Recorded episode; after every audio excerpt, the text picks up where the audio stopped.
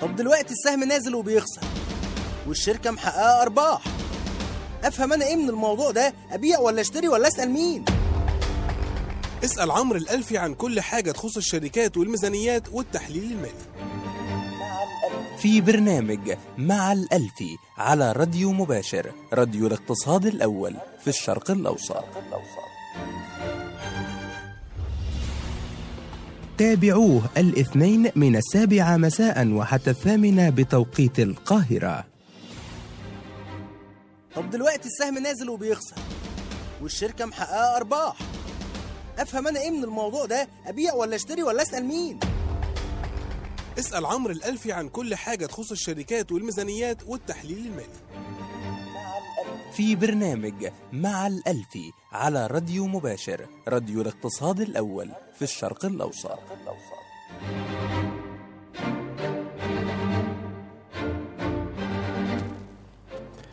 بسم الله الرحمن الرحيم. السلام عليكم ورحمة الله وبركاته. النهاردة بنتكلم معاكم في حلقة جديدة مع برنامج مع الألفي على راديو مباشر راديو الاقتصاد الأول في الشرق الأوسط.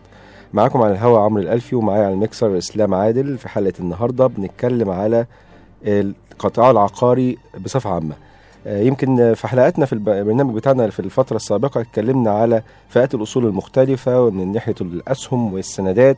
وآخر حلقة كنا بنتكلم على مشكلة الرهن العقاري في مصر آه، في عفوا في العالم وتأثيرها على الأسواق العالمية. وبالتالي آه، آه، آه، كانت آه، آه، شفنا إن مهم جدا إن إحنا نبص على القطاع العقاري بصفة عامة وإزاي نقيمه مش بس من ناحية إنه فئة أصول مختلفة ولكن كمان من ناحية إن هو ممكن يكون منعكس في قيم الأسهم الموجودة المتداولة في السوق.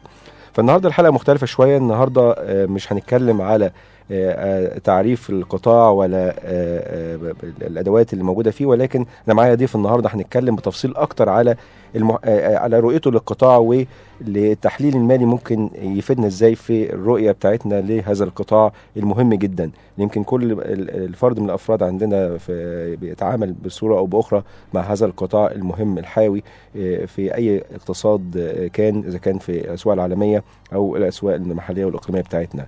معايا النهارده ويشرفني يكون معايا النهارده أستاذ محمود إبراهيم محلل مالي أول هو آه، صديق عزيز وزميل في نفس الوقت في شركة مباشر للخدمات المالية آه، متخصص في القطاع ال- ال- العقاري آه، وشغلته الأساسية هو التحليل المالي لهذا القطاع اللي في رأيي هو قطاع صعب ومش سهل ومش أي حد بيبقى عنده خبرة كويسة فيها تحليل هذا القطاع لما يشمله هذا القطاع من آه، مدخلات كتيرة وعوامل بتأثر فيه من أول القطاع ال- ال- من أول الاقتصاد الكلي لغاية ما نوصل للقطاع بتاعنا. اولا آه، آه، مساء الخير وإزيك يا محمود وشكرا جدا لتشريفك لينا في هذا البرنامج. مساء الخير يا عمرو مساء الخير على جميع المستمعين بداية يمكن آه، أنا آه، آه، بنتكلم زي ما قلت في الأول على هذا في هذا ال- آه، القطاع. إحنا القطاع دوت هو نوع من أنواع هذه فئات الأصول المختلفة اللي عندنا. إحنا عندنا قلنا ممكن يبقى أسهم سندات آه، ممكن يبقى آه، سلع ممكن يبقى عملات. وطبعا عندنا القطاع العقاري آه، يمكن الناس بتعتبر إن هو ممكن ما تفكرش إن هو من من أوجه الاستثمار اللي إحنا ممكن نبص عليها ولكن هو فعلا قطاع مهم ولازم نستثمر فيه. بداية كده لو نتكلم على هذا القطاع وكأحد هذه الفئات الأصول المهمة في الاقتصاد إيه المحفزات والتحديات اللي أنت بتشوفها ممكن تكون بتواجه هذا القطاع بشكل عام ولو دخلنا بعد كده بشكل خاص في السوق المصري؟ آه إحنا يمكن القطاع آه، زي ما قلت حضرتك من أهم ال- القطاعات الموجودة واللي إحنا كلنا بنستثمر فيه سواء بمزاجنا أو غصب عننا يعني عشان آه، كلنا عندنا شقق وكلنا عندنا أصول عقارية. آه، طبعا يعني المحفزات آه، الاستثمار في القطاع ده أولها إن هو القطاع inflation hedge ولما بيبقى فيه inflation في دولة زي طبعا عندنا في مصر معدلات التضخم عالية جدا. آه، ومع مع انخفاض عملة مع غياب استثمارات بنت بتلاقي إن معظم الناس لو معاها أي فوائد مالية بتوجهها آه، ناحية القطاع ده على أساس إن هم بيحفظوا قيمة فلوسهم فيه. يعني inflation hedge بنتكلم إن حاجة بتواجه ال- التضخم يعني. بالظبط كده. يمكن لو في تضخم لو أنت حاطط فلوسك في البنك وبتاخد فايدة من 8 ل 10% أحيانا بيبقى التضخم الحقيقي بيعدي ال 12 وال 15% فأنت كده خسرت ما كسبتش. لكن لو أنت حاطط الفلوس دي في عقار هتلاقي إن قيمة العقار جابت ال inflation أو عدته كمان في بعض الأحيان وفي بعض السنين. بتبقى أسعار العقارات بتشهد طفرات كبيرة جدا يمكن زي ما حصل في سنة 2014 في مصر. ففي الحالة دي هو انفليشن هيدج على أساس إن هو بيحارب التضخم لو أنت فلوسك فيه والتضخم ما بياكلش الفلوس ال- الموجودة فيه زي بقية الاستثمارات التانية. طب إيه اللي بيخلي القطاع وأسعار القطاع بترتفع مع الوقت؟ يعني وبترتفع يمكن معدلات س- بساعات بتفوق ال- التضخم. والله إحنا عندنا في مصر آه، آه، الطلب طبعا يعني قوي جدا نتيجة عوامل كبيرة جدا أو عوامل كتيرة جدا. أهمها إن إحنا دولة أكبر دولة فيها يمكن عدد سكان في المنطقة عندنا أكتر من 80 مليون مصري مقيمين جوه مصر. والأهم من كده إن معظمهم صغار السن يعني أكتر من 40% من سكان البلد في فئة الشباب فده بيعزز جدا آه، ال demand على على القطاع. تاني حاجة إن إحنا عندنا أكتر من 650 ألف حالة جواز في السنة فده برضه بيخلي الطلب عنيف جدا على القطاع. زي ما قلت قبل كده عندنا عملة بتنخفض شايفين الدولار قصاد الجنيه والجنيه بينخفض قصاد معظم العملات.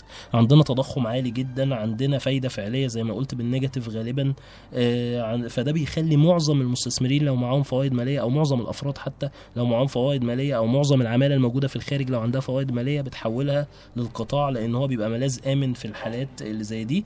آه، عندنا الدولة حاليا بتحاول برضو تشجع الطلب من خلال مبادرات للتمويل العقاري بتحاول تخفض لأن دي يمكن من أهم التحديات اللي بتواجه القطاع واللي هنقولها دلوقتي. فده بي كل ده كل اللي قلناه ده بيعزز الطلب على القطاع. فعشان كده هنلاقي دايما الأسعار في القطاع في مصر ما بتنخفضش ابدا. يعني ممكن تمر بمراحل cooling off تبقى ثابتة لفترات معينة لكن انخفاض حاد زي ما بيحصل في الأسواق العالمية لا ما بيحصلش في مصر للأسباب اللي إحنا قلناها. تمام. يمكن أحد هذه المح- المحفزات قلتها يمكن حالات الجواز ويمكن أعتقد برضه حالات الطلاق بتزود بتزود الطلب برضه على آه الوحدات. طبعا لازم توفر شقة برضه. بالظبط. طيب التحديات بالنسبة للقطاع يعني القطاع دوت طبعا برغم إن هو فيه حاجات إيجابية كتير ولكن آه، إيه التحديات اللي ممكن تكون بتواجهه آه، يعني شو اتكلمنا الحلقة اللي فاتت على مشكلة أزمة الرهن العقاري في أمريكا وإزاي دي عملت مشكلة الحقيقة. ف والمشكلة دي ما ما- مش بس آه، أثرت على القطاع نفسه ولكن أثرت على الاقتصاد بتاع الدولة وكمان أثرت على اقتصادات دول العالم الأخرى. فإيه التحديات اللي ممكن تكون بتواجه هذا القطاع؟ آه، و- ومن إحنا تركزنا برضو نتكلم أكتر على السوق المصري آه، وإزاي مصر مثلا الفترة اللي فاتت عدت من هذه الأزمة العالمية من غير ما تتأثر آه، بهذه الأزمة كقطاع عقاري هو بوجه عام ال- ال- العقار أهم مشكلة فيه إنك تسيله أو إنك تقدر تبيعه. يعني من مزايا الاستثمارات التانية اللي زي إنك تبقى حاطط فلوسك في بنك أو مستثمر في البورصة إنك لو حبيت في أي وقت تخرج بيبقى الموضوع سهل جدا عن العقار. ففكرة فكرة السيولة في العقار بتبقى ده من أكبر التحديات بوجه عام. في مصر عندنا تحدي كبير جدا فكرة المنظومة التشريعية والقانونية. شفنا كمية القواضي اللي حصلت على المطورين العقاريين وخصوصا طبعا بعد ثورة يناير واللي حصل كمية الأراضي اللي اتسحبت وده أثر جدا على الشركات وكانت في شركات يعني كانت ممكن تعلن إفلاسها وكانت تدهورت جدا الوضع المالي ليها زي بالم هيلز مثلا لكن بعد كده رجعت ولما لما الدنيا اتظبطت. طبعا يمكن الدولة حاليا بتحاول تظبط الموضوع ده من خلال قانون الاستثمار ومن خلال إن هم بدأوا يسووا مع كتير من المطورين ومعظم المشاكل دي انتهت. طبعا برضو من المشاكل التانية اللي بتقابل القطاع إن معظم الطلب متركز في الوحدات منخفضة الدخل. بمعنى إن إحنا عندنا جاب عقاري بحوالي 500 ألف وحدة سنويا. يعني عندنا الطلب أقل من المعروض عندنا الطلب أكتر من المعروض ب 500 ألف وحدة تقريبا. عاوز أقول إن ال- ال- الطلب ده معظمه متركز في الوحدات اللي هي منخفضة الدخل. في ال... ودي طبعا ال- العرض فيها قليل جدا لأن ده بيجي من خلال الحكومة إن هي بتعرض وحدات مخفضة بمقدمات قليلة جدا فده بيبقاش موجود كتير آه، وده يمكن خلال الفترة اللي فاتت الموضوع ده شفناه قليل جدا فده برضو من أهم التحديات طبعا الاستحواذ على الأراضي بتكلفة معقولة ده بقى موضوع صعب جدا برضو بيواجه المطورين العقاريين بالرغم برضو من إن الدولة عندها إحنا عايشين على 6% تقريبا من مساحة مصر الأرض كتيرة جدا آه. ربنا مبارك يعني بس يمكن الأرض المطورة الجاهزة للطرح وللحكومة بتقوم تطرحها آه، ده مش مش كبير ابدا وما بيلبيش احتياجات السوق. ويمكن ده طبعا من من 2011 ل 2013 كان في ندرة كبيرة جدا في الموضوع ده. عشان كده معظم الأراضي ارتفعت. عندنا برضو مشاكل تانية متعلقة بتسجيل وبالترخيص. معظم العقارات غير مسجلة. آه، في عشوائيات كتير جدا. فدي يعتبر أهم التحديات اللي, اللي بتواجه القطاع. يعني انت اتكلمت على حتة مهمة جدا هو سيولة هذه طبعا ال- ال- العقارات إنك مش قادر تبيعها بسهولة ولكن في طريقة إن إحنا نستفيد من التطور العقاري في أي دولة على طريق إنك تستثمر في أسهم بعض هذه الشركات اللي هي شركات التطوير العقاري أو الشركات اللي هي بتاعة الإسكان. آه، هنطلع فاصل بسيط ولكن نرجع نتكلم زي ما اتكلمنا على التحديات اللي قابلها اللي قابلها القطاع أو بيقابلها القطاع العقاري بصفة عامة. دي التحديات اللي بتواجه بقى المحلل المالي عشان يقيم أسهم اللي هتوصل لك للسيولة بتاعه هذا القطاع وإزاي تشتري أسهم آه، آه، فيها قيمة. انت كمحلل مالي بتواجهك هذه آه، آه، آه، التحديات إزاي بتواجهها وازاي انت بت- بتقدر تتعداها وتقيم شركات ال- التطوير العقاري عشان تطلع قيمة وتشوف الأسهم الرخيصة. هنطلع فاصل بسيط ونرجع تاني نتكلم على هذه التحديات اللي بيواجهها المحللين الماليين. معانا النهارده أستاذ محمود إبراهيم محلل مالي أول في شركة مباشر الخدمات المالية وبنتكلم النهارده على تقييم القطاع العقاري بصفة عامة. نفسك في إيه يعني؟ وما تقوليش كمان عشان هقفش عليك. نفسي أسمع مزيكا كده مختلفة.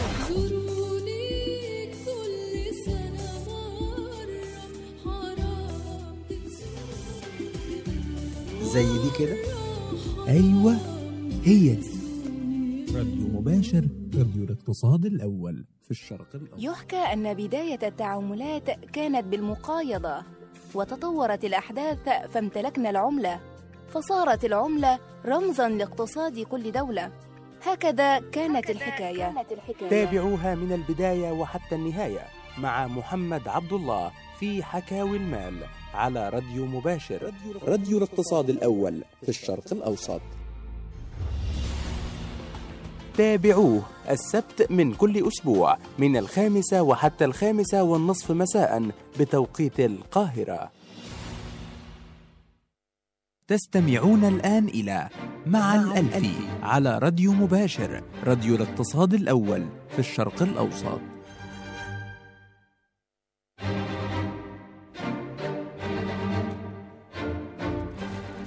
أهلا بيكم مرة تانية. لسه مكملين معاكم في برنامج مع الالفي على راديو مباشر. راديو الاقتصاد الأول في الشرق الأوسط. معايا النهارده في الاستوديو على الهواء الاستاذ محمود إبراهيم مدي- محلل مالي أول في شركة مباشر الخدمات المالية وبيكلمنا النهارده على القطاع العقاري بصفة عامة وبنركز على بعض آه، الأسهم في آخر الحلقة إن شاء الله. إحنا جالنا آه، في الأسبوع اللي فات جالنا بعض الاستفسارات من الم- آه، المستمعين آه، علشان الناس يسألوا على بعض الأسهم الموجودة في السوق المصري هنتكلم عليها النهارده في آخر الحلقة إن شاء الله فخليكم معانا مكملين في البرنامج. آه، دلوقتي إحنا اتكلمنا في الفصل اللي فات على القطاع العقاري يا محمود والتحديات والمحافظات اللي فيها. دلوقتي كمحلل مالي إيه هي التحديات اللي بتواجهك لما تيجي تقيم أي شركة عقارية؟ مش هتكلم بس في مصر ولكن في منطقة الشرق الأوسط بما إنك التغطية بتاعتك بتشمل منطقه الشرق الأوسط وشمال أفريقيا. طيب اتفضل. هي هي هي أهم التحديات اللي بتواجهنا هي نقص الإفصاح. وخصوصا عند الشركات الصغيرة. يعني يمكن إحنا شايفين ده بقى في مصر قوي وطبعا في الدول العربية الباقية برضو الموضوع ده موجود جدا. أنت عشان تقيم مشروع ليه master plan ومن خلال آه، طريقه التدفقات النقدية المخصومة ال DCF انت انت ليك انك تتخيل انت يعني في معلومات كتيرة جدا جدا لازم تبقى عندك مطلوب من عندك يعني مطلوب يبقى تبقى عارف مساحة الأرض المتبقية والمتاحة للبيع مطلوب تعرف ال master plan بتاعها ال footprint قد إيه ال built-up area قد إيه آه، على عدد الوحدات هتبقى قد إيه آه، بيبيع نظام البيع هيبقى إزاي التقسيط هيتم على كام سنة وشكل استلام الدفعات هيبقى عامل إزاي آه، طبعا معظم المطورين العقاريين بيعملوا outsource لحتة الإنشاءات.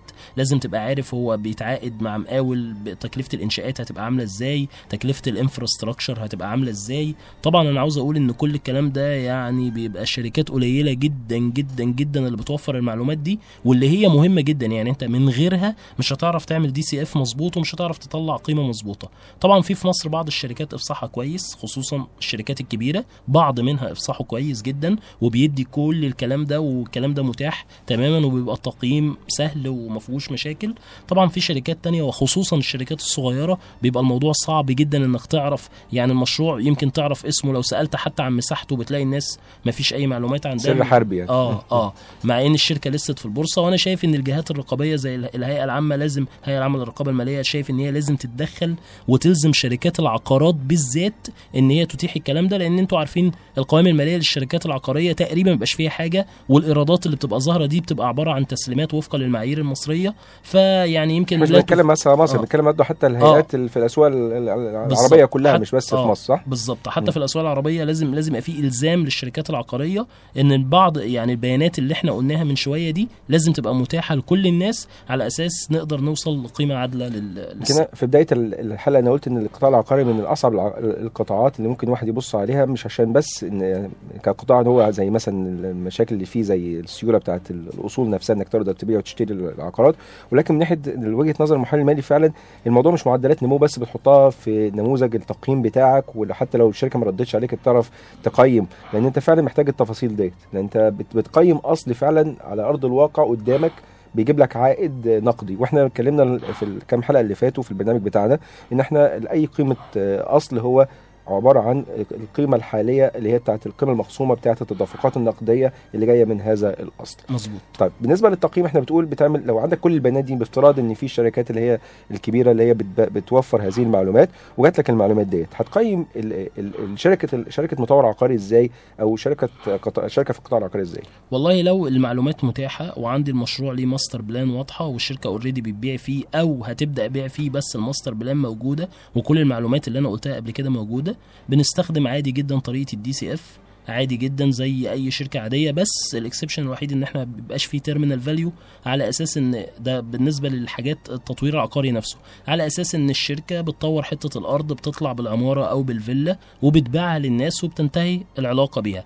لو في بقى services بتقدمها مقابل إيراد. طبعا ده أو أي حاجة تانية بتجيب recurring revenue زي مثلا المولات اللي بتفتحها في المشروع. لو هتفتح فندق جوه المشروع لو هتفت لو هتاخد office مثلا building تأجره. كل الحاجات دي بنقيمها بطريقة التقييم العادية جدا وبيبقى ليها طبعا terminal value لأن دي حاجات بتجيب recurring revenue جاي على طول ومستمر. لكن بالنسبة لجزء التطوير إن أنا آخد أرض أطلع بيها عمارة أو فيلا وأبيعها وألم فلوسها وتبقى علاقتي انتهت. هو DCF عادي جدا بس بدون terminal value وزي ما قلت لازم تبقى كل البيانات اللي إحنا قلناها قبل كده. متاحة عندي عشان نقدر نوصل لقيمة عادلة سليمة للمشروع. بتتكلم كأنك داخل المشروع بتاع بتشوف عمر المشروع إيه والتدفق النقدي اللي جاي منه. وهي بافتراضاتك هي بتقول بقى given المعلومات انت بتاخدها من الشركة بتعمل افتراضات لتوقعاتك للتدفق النقدي اللي هيجي في خلال على مدى عمر المشروع. مظبوط. وبتعمله مع- بطريقة خصم وبعد كده بتقيم هذا المشروع اللي هو قائم بذاته. لكن لو الشركة عندها أراضي تانية لسه لم يتم تطويرها ولم ما فيش master plan ليها هتعمل فيها إيه؟ في الحالة دي هنستخدم طريقة ال net asset value نشوف سعر الأراضي المجاورة للأرض دي أو لو الأرض دي تم على جزء منها صفقة خلال وقت قصير جدا يعني شهور مثلا معدودة. في الحالة دي هناخد السعر ده ونستخدم طريقة ال net asset value ولو حجم الأرض كبير جدا بن apply discount factor على أساس إن بيبقى الأرض مش من السهل إنك تبيعها في يوم وليلة. وزي ما قلنا قبل كده مشكلة السيولة دي موجودة دايما في معظم الاستثمارات العقارية. وال discount factor ده بيبقى بناء على المدة المتوقع فيها مثلا بيع الأرض. وبنقيمها على إنها أرض هتتباع بدون أي تطوير ب- ب- ب- بسع- بالسعر السائد في السوق في الفترة دي. ولو هي كبيرة جدا. بنشوف بن بنحط discount factor يعوض عن كبر الحجم ده وعن الوقت اللي هي ممكن تاخده في البيع وبنوصل برضو للقيمة العادلة ليها من خلال الشكل ده بدون تدفقات نقدية خالص. طيب لو بتقيم شركة شركة شركة يعني تطوير عقاري في مصر أو شركة في الإمارات أو في السعودية تختلف إزاي طريقة التقييم بتاعتك من دولة للتانية؟ وعلى حسب طريقة ال- ال- ال- ال reporting اللي بتتبعها الشركة. يعني إحنا مثلا هنا في مصر بيبقى الطريق طريق طريقه طريقة يعني اللي هي الميزانيات بتعملها إزاي آه يعني؟ القوائم المالية بتاعتها بتعدها إزاي الاعتراف بالإيراد بيتم إزاي آه ال- الكلام ده كله بيختلف طبعا من دولة للتانية. المفروض إن الكلام ده بيأثرش على ال cash flow لكن لكن أنت عشان تعرف تطلع من الميزانية ال cash flow المتوقع أنت لازم تبقى فاهم كويس جدا جدا جدا الفروق بين الطرق دي. يعني مثلا عندنا في مصر هنلاقي إن معظم الشركات بتتبع إن في بيع الشقق طريقة التسليم ما بيثبتهاش إيراد إلا وقت التسليم. في حين بقى إن الكاش فلو بيبقى بادئ من قبلها وبرضه الفلوس الخارجة على الإنشاءات بتبقى بادئة من قبلها. يعني التسليم ده تقريبا بيبقى آخر حاجة بتتم لأن في شركات كتيرة جدا بتسلم بعد أربع سنين وبت وبتلم تمن الوحده كله على أربع سنين. ف ف فانت الإيراد اللي ظاهر لك في قائمة الدخل ده ممكن في سنة تبقى شركة ناجحة جدا جدا جدا بس خسرانة نتيجة إن هي ما عندهاش تسليمات ودي حصلت في سودك قبل كده. لكن تبقى الشركة كويسة جدا وقوية جدا ماليا وعندها تسليمات مستقبلية رهيبة وفي إيراد متوقع. فيمكن الحتة دي مزاياها طبعا إن هي بتبقى آمنة أكتر والإيراد اللي بتشوفه ده بيبقى إيراد تم فعليا لكن عيوبها طبعا يبقى فيه فولاتيليتي عالية جدا في كل المؤشرات المالية. في حين إن في دول تانية زي الإمارات هنلاقي شركة زي إعمار والدار من المعيار المالي الجديد رقم 15 آه، بي- بيتيح لهم التقرير المحاسبي بنسبة الإتمام بمعنى إن لو في عمارة هو بنى 30% منها ممكن يعترف ب 30% من إيرادها آه، وده يمكن أنا بت... رغم إن مصر لسه ما اتبعتش المعيار ده بس من المتوقع آه، إن ان إن يمكن خلال السنة أو السنتين الجايين إن يتم تطبيقه في مصر وده هيبقى أفضل كتير. لأنه هو هيبقى يعني هيخلي القوائم المالية ما فيهاش volatility عالية. هيخلينا نقدر نستخدم مؤشرات مالية كتيرة جدا مش قادرين نستخدمها حاليا في في الحكم على الشركات العقارية. فهيخلي الموضوع يعني أبسط وأفضل يعني. ده معايير محاسبي هو الدولي. خلينا نتكلم عليه كمان شوية. ولكن يعني أنا بفكر برضه مستمعينا الأعزاء إن إحنا لما اتكلمنا على ال- ال- القوائم المالية في أول حلقات البرنامج إحنا حاولنا نف- نفرق ما بين قائمة الدخل وقائمة التدفقات النقدية. لأن معظم الناس حتى شركة إذا كانت بنك أو شركة صناعية شركة خدمية أو شركة حتى قطاع عقاري كلهم بيركزوا على الربحية بتاعه ال- الشركة. الشركة عملت أرباح عاملة إزاي؟ عملت إيرادات عاملة إزاي؟ فإحنا بنتكلم النهارده يا محمود يعني بنقول إن القطاع العقاري ده الواحد ما يركزش قوي في قائمة الدخل. مظبوط. يركز أكتر في قائمة التدفقات النقدية ويكون مظبوط. فاهم المشروع أصله لأن المشروع برضو لسه عارف تسليماته إمتى وطريقة حتى ال- الريبورتنج بتاعه ال- الشركة كنظام محاسبه عاملة إزاي. مظبوط طبعا. وطبعا في فرق كبير بين بين المعنيين بين آه، ال- الدخل المحاسبي وبين التدفقات النقدية لأن الدخل المحاسبي يمكن هو بيراعي إيراد ومصروفات وضرائب ويطلع لا بيراعي working capital استثمارات فيه ودي حاجة مهمة جدا وبتفرق جدا في القيمة ولا بيراعي حاجة زي ال CAPEX أو الإنفاق الراسمالي الراسمالي لكن ال ال ال الأفضل إن إحنا نعتمد على التدفقات النقدية لأن ده بيبين فعلا الحركة النقدية وإيه ال cash in وإيه ال cash out اللي داخل واللي من خلاله بنقدر نحدد القيمة العادله طيب هنطلع فاصل بسيط ونرجع نتكلم تاني على إن الحتة المحاسبية ديت يمكن الواحد الحقيقة ما بيحبش المحاسبة يعني إن إحنا بنحلل م- قوائم ماليه ولكن هي فعلا يعني معاييرها كتير جدا وأهم معيار يمكن محاسبي جديد اللي هو بيتم تطبيقه هو رقم 15 ده بيأثر بصورة كبيرة على أسهم أو شركات القطاع العقاري. نتكلم عليه بتفصيل بعد الفاصل. نطلع فاصل بسيط ونتكلم تاني على القطاع العقاري بعد الفاصل إن شاء الله. معالجة للمعلومات بشكل مختلف تقديم للفقرات بطريقة أسهل. وجهة نظر مختلفة. عين تعرف التاريخ وتحلله. نحن نختلف عن الآخرين. نحن دائما معك. راديو مباشر راديو الاقتصاد الأول في الشرق الأوسط. إنك تكون ناجح. إنك تكون سلم. إنك تكون نقطة. إنك تكون قائد. إنك تكون خطوة. إنك تكون بصمة. إنك تكون بداية. إنك تكون قدوة. إنك تكون أمة. إنك تكون قصة. يحكيها الناس ويتعلموا فيعملوا. إنك تكون ناجح. إنك تكون ناجح مع مصطفى خضر على راديو مباشر راديو الاقتصاد الأول في الشرق الأوسط. تابعوه الاثنين والأربعاء من الثامنة وحتى التاسعة مساء بتوقيت القاهرة. تستمعون الآن إلى مع الألفي على راديو مباشر راديو الاقتصاد الأول في الشرق الأوسط.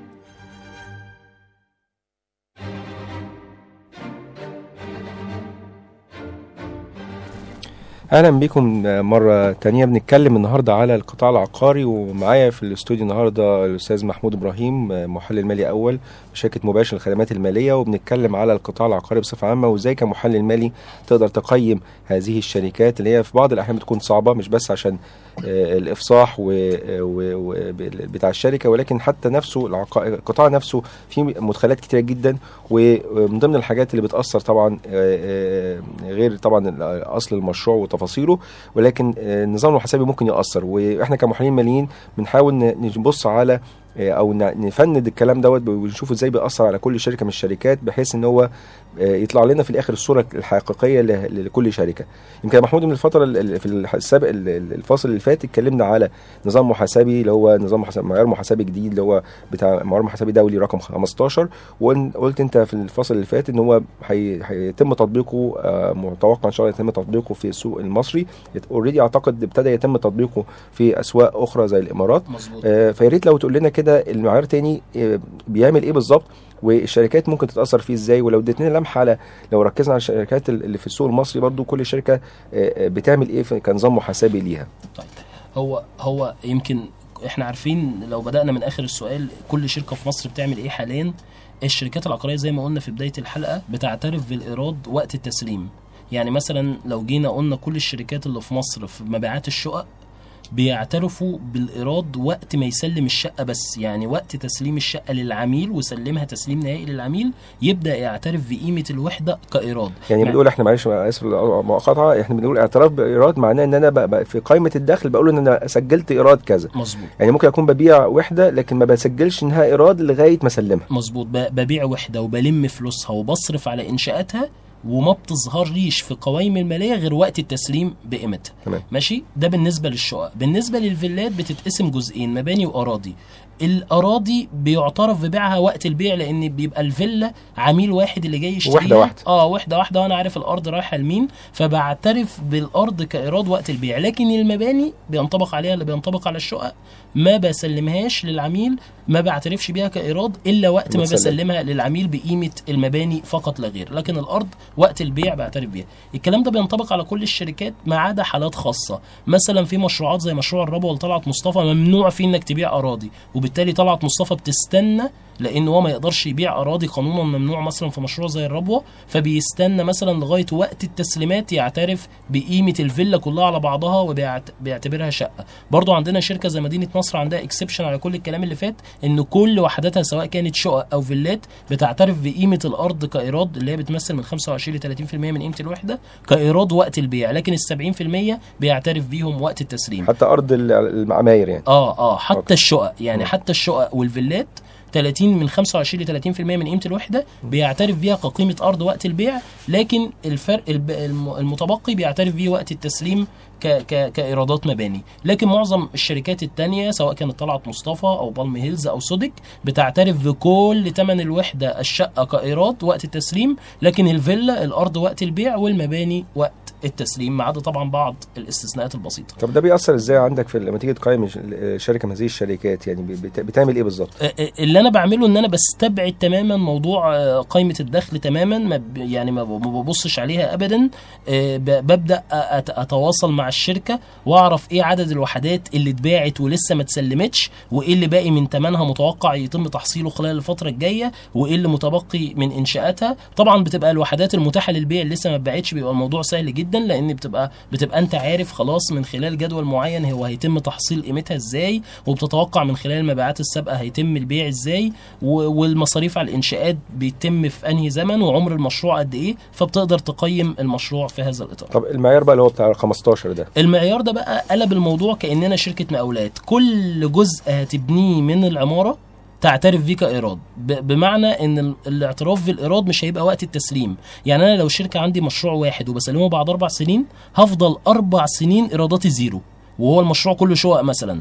واجي في السنة الرابعة لو المشروع ده المبيعات بتاعته كلها مليار أعترف بالمليار مرة واحدة بعد أربع سنين فبالتالي ده ما يديش أي تصور ولا ده النظام القديم آه يعني. ده النظام القديم لكن وفقا للمعيار الجديد لو أنا هبني مثلا المشروع ده على أربع سنين هو هبني ربعه كل سنة فأنا بالتالي أقدر أعترف ب ب بربع إيرادي كل سنة وده بيخلي الفولاتيليتي مش عالية وبيخلي نقدر نحلل ونقدر نبص على الشركات وبتبقى القوائم المالية معبرة عن الواقع أكتر من المعيار القديم يعني كده كده بالطريقة دي ممكن يخليك تبص على قائمة الدخل شوية. بالظبط طبعا okay. وتخليك تبدأ تستخدم تاني ما ما- يعني KPIs معينة زي ال P/E ratio والكلام ده وتقدر تبص على العائد على حقوق المساهمين. لكن بالطريقة القديمة أنت الإيراد ممكن ما يبقاش موجود بس أنت عارف إن في إيراد جاي. أو ممكن مثلا تلاقي ال- السنة الرابعة جت والمليار ضخم الإيراد بقى ضخم جدا لأن في تسليمات. آه. لكن في السنة اللي بعدها يبدأ الإيراد ينزل تماما ما يبقاش في تسليمات مثلا غير بعد فترة تانية أو بعد عدد سنوات معينة.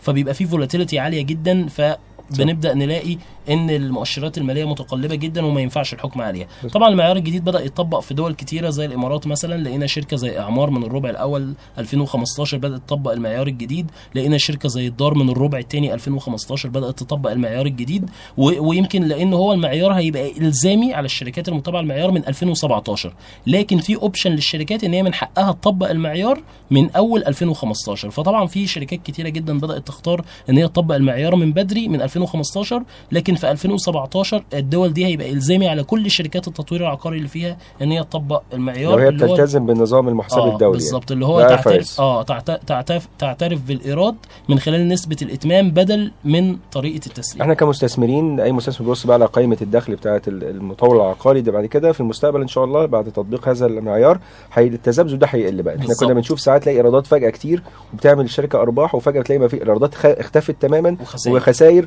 فالناس بت- بتتخض. يعني كل ما. يقول لك أنا عايز آخد عائد من السهم دوت لو مش هبيع السهم في البورصة أنا عايز توزيعات أرباح. فلما ألاقي خسائر يقول لك الشركة دي معهاش فلوس. بالظبط. وممكن تبقى شركة كويسة جدا. وده حصل في سودك من فترة إن هي خسرت وكان معروف جدا إن الشركة من أقوى الشركات اللي في سوق العقار المصري والسهم كان بيطلع. وما كانش فيه مشكلة لأنه كان معروف إن في الفترة دي مفيش تسليمات. لكن بعد كده يبقى في موجة من التسليمات كبيرة جدا وده اللي حصل فعلا. طيب نتكلم بقى بنتكلم بسيرة ال- الأسهم المختلفة. إحنا عندنا سهمين النهارده هنتكلم عليهم. أول سهم طبعا الشغل الشاغل بتاع المستثمرين كتير قوي في السوق المصري وهو إعمار مصر نظرا طبعا انه الطرح ال- ال- اللي حصل كان من أكبر الطروحات اللي حصلت في الفترة اللي فاتت والمشكلة بتاعته طبعا إن هو سعر السهم نزل بعد آه، آه، سعر آه، تحت سعر الاكتتاب والطرح بنسبة كبيرة جدا طبعا مش لوحده هو نزل مع السوق المصري ككل ولكن طبعا عايزين نركز عليه أكتر نشوف هو إيه العوامل اللي أدت لانخفاض هذا السهم بصورة شديدة من ساعة ما تم إدراجه بالسوق المصري يمكن ما لحقش يطلع فوق السعر الاكتتاب بنسبة كبيرة ولكن لقيناه بعد كده بينخفض مع السوق. إيه إيه اللي حصل في القصة دي؟ آه يعني هو أنا بس يعني يمكن هاخد من كلامك يا عمرو إن هو فعلا نزل مع السوق. في معلومة كتير يمكن تكون غايبة عن كتير من المستثمرين إن هو السهم ريلاتيف للقطاع ما نزلش أكتر من القطاع بل بالعكس في أسهم كتيرة في القطاع نزلت أكتر منه.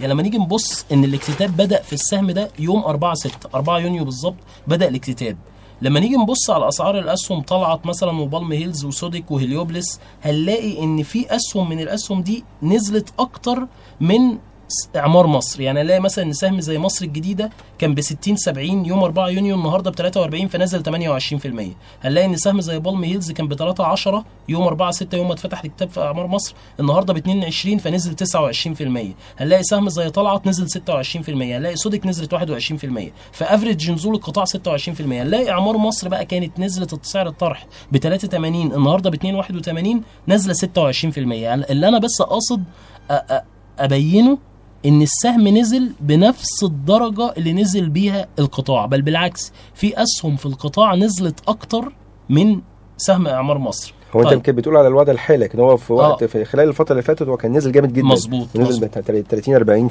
40% حاجة زي كده وفعلا وفعلا وفي أسهم عقارية برضو كانت أسعارها أقل من المستويات الحالية بكتير وبدأت يمكن معظم الأسهم العقارية ترد تاني خلال الجلستين اللي فاتوا آه، أسباب طب طب آه الشركة الشركة فيها مشاكل طيب؟ يعني آه. إيه التحديات اللي في الشركة؟ لا أنا ولا أنا السهم أنا, أنا مش شايف إن الشركة فيها مشاكل. الشركة كقيمة عادلة وكإيرادات وك وككاش فلو جاي آه وكمبيعات. الشركة أنا عاوز أقول إن الشركة هي أكبر شركة في مصر من حجم المبيعات.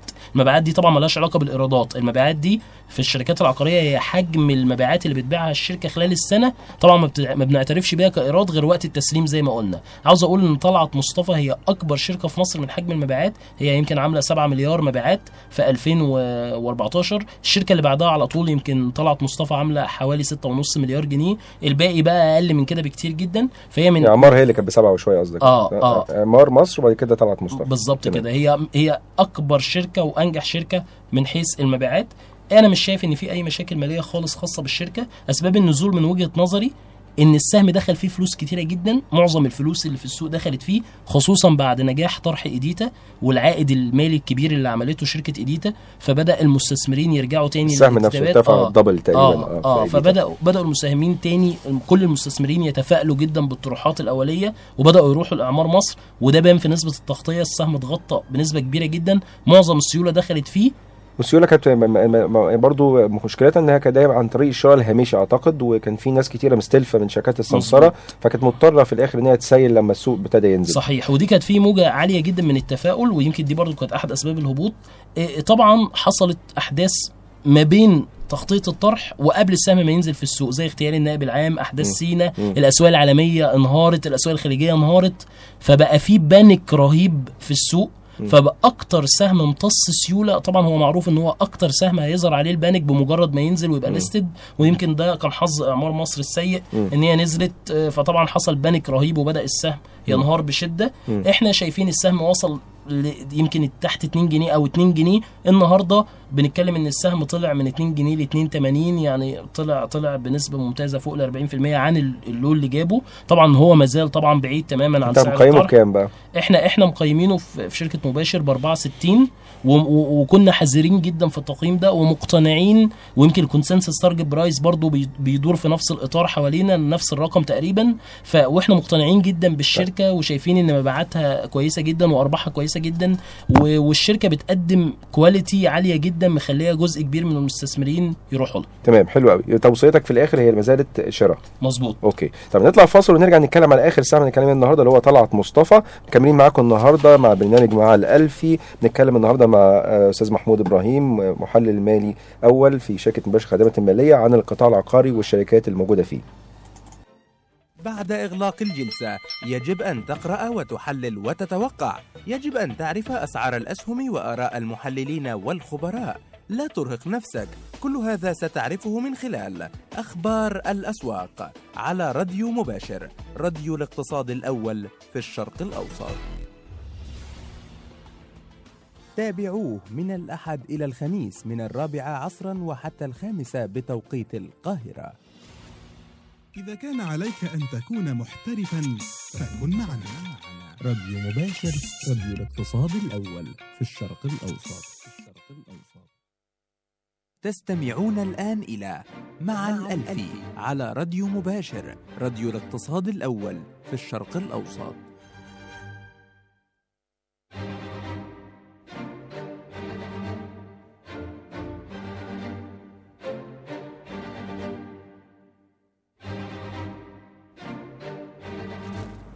أهلا بيكم مرة تانية. يمكن الوقت عدى بسرعة معايا في الاستوديو النهارده آه، أستاذ محمود إبراهيم آه، محلل المالي أول في شركة مباشر الخدمات المالية ومسؤول عن قطاع ال- ال- العقارات أو القطاع العقاري في آه، الشركة أو إدارة البحوث بالشركة. وبنتكلم النهارده على الأسهم المختلفة وكان تركيزنا أكتر النهارده على الأسهم اللي كان المستثمرين طلبوها المستمعين طلبوها الفترة اللي فاتت. اتكلمنا على أعمار مصر ودلوقتي بنتكلم على طلعت مصطفى. إيه رأيك فيها محمود شركة طلعت مصطفى؟ والله هي هي شركة طلعت مصطفى من أفضل ال- الشركات الموجودة في في السوق المصري والمدرجة ب- ما شاء الله إيراداتها كويسة جدا. أكبر أكبر land bank يعني من أكبر land bank في في ال market عندها 30 مليون متر لسه غير مستغلين. مشروع عند- مدينتي طبعا. آه طبعا في مشروع مدينتي وشوية في الرحاب. عندها يعني presale backlog فوق ال 20 مليار وده بي يعني بي بيضمن أداء مالي قوي خلال ثلاث أو أربع سنين جايين. آه فهي شركة كويسة جدا مبيعاتها كويسة جدا أرباحها كويسة جدا ومن الشركات طبعا اللي مشاكلها خلصت مع التسوية الأخيرة اللي حصلت في شهر في أواخر شهر فبراير 2015 دي حاجة كانت. غريبة الحقيقة لما التسويه حصلت وكل الناس كانت بتقول كل مشكلة طلعت مصطفى إن في مشكلة قضية والدنيا مش واضحة وهيسحبوا الأرض مش هيسحبوا الأرض هيدفعوا فلوس مش هيدفعوا فلوس. الموضوع اتحل. من بعد ما الموضوع ما اتحل ال- السهم ما, طلعش الطلعة الكبيرة اللي كان الناس متوقعها. ليه؟ آه آه يمكن أنا كنت شايف ساعتها إن هو بدأ يقرب شوية من ال fair value اللي استحقها. آه يمكن معظم آه، إحنا إحنا نفسنا كنا مقيمينه ب 9 87 وبعد كده عملنا upgrade بعد التسوية ل 13 جنيه. آه يمكن السهم زي ما قلت طلع لحوالي 10 جنيه 11 جنيه وبعد كده بدا بدأ ينزل تاني. آه مع نزلة السوق أنا شايف إن هو بدأ يتأثر هو من من الأسهم اللي ليها وزن كبير جدا في المؤشر يعتبر من أكبر أو أول سهم عقاري أو أكبر وزن بالظبط. السهم عقاري فبيتأثر طبيعي مع مع حركة السوق. لكن لو السوق اتحسن إحنا شايفين إن هو بعيد جدا عن القيمة اللي يستحقها وهو المفروض يبقى سعره أعلى من كده بكتير. تمام. هو ممكن القطاع العقاري بنقول من ضمن القطاعات اللي بنسميها ال cyclical اللي هي ليها علاقة بدوره الاقتصاد فلما الاقتصاد يتحسن بتلاقي القطاع دوت بيتحسن. زي ما أنت قلت وذكرت في الأول برضو هو آه، موضوع ال inflation والتضخم ده بيبقى الناس بتستثمر فلوسها في هذا القطاع عشان تواجه التضخم. آه. طب التحديات اللي بتواجه الشركة نفسها كشركة طلعت مصطفى. يمكن أنا أنا شايف إن من الأسباب السؤال اللي أنت سألته كان كويس جدا في حتة إن هو ليه ما طلعش قوي. من الأسباب دي فكرة إن هو بطلعت مصطفى الفترة اللي فاتت كل الشركات العقارية أعلنت عن خطط توسعية طموحة جدا. إحنا شفنا بالم هيلز أكتر من ثلاث مشروعات فوق ال 45 مليون متر. شفنا سودك بتستحوذ على أراضي جديدة شفنا الاعمار والطرح اللي حصل شفنا مصر الجديدة وتغيير الاستراتيجية بتاعتها شفنا مدينة نصر وال- واللي بيحصل وبداية التسليمات. فكل المش... كل الشركات كانت عندها أخبار إيجابية ما عدا يمكن طلعت مصطفى ما كانش بيعلن عن أي خطه توسعيه ده من وجهة نظرنا سببه حاجتين الشركة كانت مشغولة في مشكلة مدينتي وهي قالت قبل كده وصرحت إن هي مجمدة الخطه التوسعيه لغاية ما تحل مشكلة مدينتي. تاني حاجة إن الشركة بطبيعتها بتطور مجتمعات كبيرة جدا. يعني مش من الشركة اللي سهل جدا إن هي تروح تقول أنا هتفاوض مع الهيئة على 100 فدان أو 200 فدان. لا الشركة كل مشروعاتها بتعدي بتعدي ال 10 مليون متر مدينتي 30 مليون متر أو أكتر من 30 مليون متر. فيمكن ده اللي مخلي الشركة بيبقى موقفها مش بسرعة ومش كل وقت هتاخد أرض لأن هي بتاخد المشروع وتقعد سنين فوق ال 20 و 30 سنة تطور فيه. فيمكن ده اللي ال- السبب ال- ال- الحقيقي للتأخير عن إعلان عن الخطة التوسعية. نتوقع إن لو العاصمة الجديدة اشتغلت وبدأ بنى فيها ونتوقع إن مع الهيئة دلوقتي بدأت تبقى منفتحة أكتر في طرح أراضي. عشان كده إحنا متوقعين إن طلعت مصطفى ممكن تفاجئنا وتخش في أي مشروع كبير خلال الفترة الجاية. إحنا متوقعين ده خصوصا إن في فوائد مالية كبيرة في 3.5 مليار كاش في الميزانية بتاعتها آه، في آخر مركز مالي طلع في شهر 6 اللي فات. فإحنا متوقعين إن هي هتبقى مقبلة على خطوة كويسة خلال الفترة الجاية. هي بتبقى بتاعتها ولا بتاعت في جزء منها بيبقى بتاع العملاء برضو؟ يعني آه. بتبقى هي فلوس الشركة نفسها ولا تبقى في ممكن يكون جزء منها فلوس العملاء اللي دفعوها يعني ممكن يبقى في جزء بس أنا بتكلم يعني على الكاش اللي موجود في الميزانية هي تمام. الحركة مستمرة والمبيعات كويسة جدا الشركة عاملة 6.5 مليار خلال السنة اللي فاتت وعاملة خلال الست شهور رغم إن في slowdown في ال market عاملة 3.5 مليار مبيعات وده بيضمن إن الكاش يفضل تمام. كويس عشان كده إحنا شايفين إن وضعها المالي حلو. كويس جدا بس هي طلعت مصطفى يمكن ال business model بتاعها ونموذج الأعمال بتاعها حاولوا يغيروه الفترة اللي فاتت لأن هو آه، إحنا عارفين إن هي فيها كذا قطاع الحقيقة هو في. قطاع عقاري وقطاع إيه، فندقي. فندقي سياحي وفي قطاع retail المولات وفي مولات. قطاع ال service. إحنا كلمنا ما كلمنا على إعمار مصر ما كلمناش حقيقه على ال- المولات. أعتقد برضو في المولات موجودة في إعمار مصر برضو مظبوط. يعني آه في في يمكن مول صغير في مراسي امبوريوم بس لكن طبعا صغير قوي لكن آه، نسبته زي يعني آه، إعمار مصر إن معظمها تطوير عقاري آه، زي شقق وفيلل وكده. صحيح. لكن طلعت مصطفى business model مختلف. صحيح. إحنا يمكن التحدي طلعت مصطفى هي أفضل شركة في ال market من حيث ال recurring آه هي يمكن التطوير العقاري يمثل 82% من الإيرادات لكن ح- ال 18% الباقيين رايحين ناحية ال recurring revenue اللي هو الأرباح المتكررة. آه بالظبط. طب إيه اللي يعني إيه اللي ليه الشركات التطوير العقاري الفترة اللي فاتت بي- بيفكروا إنهم يتجهوا لزيادة هذه النسبة نسبة الإيرادات المتكررة؟ كله بيحاول طبعا هي دي بتعزز التقييم جدا لأن زي ما قلنا دي الحاجات الوحيدة اللي بيتعمل لها terminal value لكن التطوير العقاري ما بيتعملوش terminal value فهي لما بتخش في حاجة بتجيب recurring revenue طبعا ده بيعزز من قيمتها جدا وبيعلي تقييمها جدا وبيعلي قيمة terminal value اللي هو. تقييم لا نهائي بافتراض إن الشركة دي مكملة لما لا نهايه بالظبط لكن كده. لما أنت بتتكلم على مشروع بتتكلم على مثلا 25 سنة وخلص خلاص. بالظبط كده. لكن أنت بتكون في عائد بيجي لك على طول يبقى بتتكلم زي استثمارك في سهم بيبقى مكمل لغاية الما لا نهايه ويمكن كله بيحاول يقلد شركة اعمار العقارية في الإمارات. هي طبعا الشركة الرائدة في الشرق الأوسط في الموضوع ده لأن أكتر من 50% من إيراداتها بتيجي من حاجات recurring revenue وده بيبقى معزز من قيمتها جدا ومخلي السهم أداؤه كويس هناك يمكن برضو آخر شركة في مصر بت بت بتتجه لهذا الاتجاه برضو لسه سامعين طبعا تقسيم شركة عامر مجموعة عامر. بتقسم الشركة بتاعتها اتنين ومن ضمنها برضو هيكون في جزء صحيح مولات صح صحيح صحيح طيب بالنسبة لطلعت مصطفى انت تقييمك ليها إيه والتوصية بتاعتك عاملة إزاي؟ والله إحنا متفائلين جدا بالشركة ب 200 ال target price بتاعنا عند 13 جنيه شايفين إن السعر الحالي قليل جدا ولا يعبر عن يعني لما لما نشوف ال market cap مقارنة بال land bank المتاح هنلاقي إن قيمة الأرض ما تعديش 500 جنيه للمتر في حين إن آخر مزادات حصلت في المناطق المجاورة ليها سعر الأرض عدى 3000 جنيه فإحنا شايفين إن إن إن السعر رخيص جدا جدا جدا وإن الشركة كويسة جدا وبمجرد ما يحصل تحسن في السوق شايفين إن سعر السهم هيتحرك يعني لمناطق أعلى من كده بكتير. تمام. آه، يمكن الحلقة عدت بسرعة جدا. النهارده اتكلمنا على ال- القطاع العقاري وركزنا في شركتين آه، شركة إعمار مصر وشركة آه، مجموعة طلعت مصطفى. آه، مش عارف متشكر جدا يا محمود جدا ان شرفتني اولا آه، في في البرنامج واديتنا معلومات عن هذا القطاع المهم والحيوي. آه، يمكن زي ما قلت الحلقة ما كفتش نتكلم بصورة آه، تفصيلية أكتر عن كده ولكن أنا أنا م- م- م- شاكر ليك جدا لحضورك ولتقييمك لهذين لهذين السهمين مهمين جدا في السوق المصري واللي حصل لهم الفترة اللي فاتت برضو ورؤيتك للقطاع العقاري. انت يعني لو اتكلمنا نيجي نقفل الحلقة بقى انت بتتكلم على القطاع العقاري بصفة عامة في في المنطقة الخليجية والمنطقة بتاعت مصر مش بس مصر.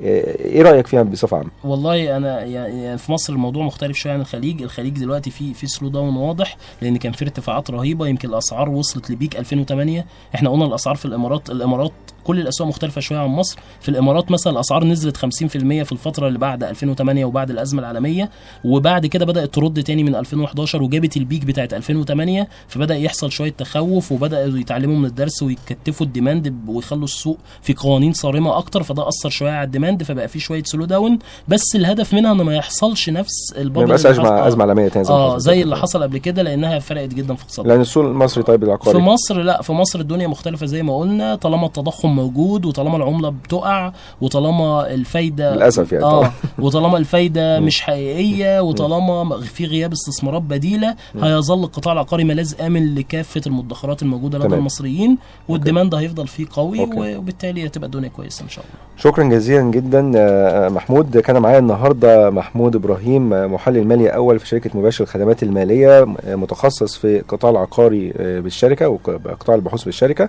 آه، اتكلمنا النهارده على القطاع العقاري بعد ما اتكلمنا الحلقة اللي فاتت على الأزمة اللي حصلت في القطاع العقاري في أمريكا لكن شفنا إن هو القطاع العقاري ده بالنسبة للمنطقة بتاعتنا ممكن يبقى حقيقه طوق نجاة للاقتصاد لأن هو بيجر وراه قطاعات كتيرة جدا من مواد البناء وما وما آه آه، مرتبط. ب 106 صناعة تقريبا 106 صناعة. فيعني ده بيعزز جدا ده. اكد الكلام. آه. آه، في آخر الحلقة لا يسعني أشكر بس محمود إبراهيم آه، في حضوره وتشريفه ليا في البرنامج وللمعلومات اللي اداها لنا في هذا القطاع. آه، الحلقة عدت معانا وقت بسرعة. ن- نلتقي إن شاء الله معاكم في حلقة جديدة بإذن الله من برنامج مع الالفي على الراديو مباشر راديو الاقتصاد الأول في الشرق الأوسط. نلتقي إن شاء الله الأسبوع الجاي على خير. وكان معايا النهارده على الميكسر إسلام عادل. شكرا لك جدا يا إسلام. والسلام عليكم ورحمة الله وبركاته. السهم نازل وبيخسر والشركة محققة أرباح. أفهم أنا إيه من الموضوع ده؟ أبيع ولا أشتري ولا أسأل مين؟ اسأل عمرو الألفي عن كل حاجة تخص الشركات والميزانيات والتحليل المالي. في برنامج مع الألفي على راديو مباشر راديو الاقتصاد الأول في الشرق الأوسط. تابعوه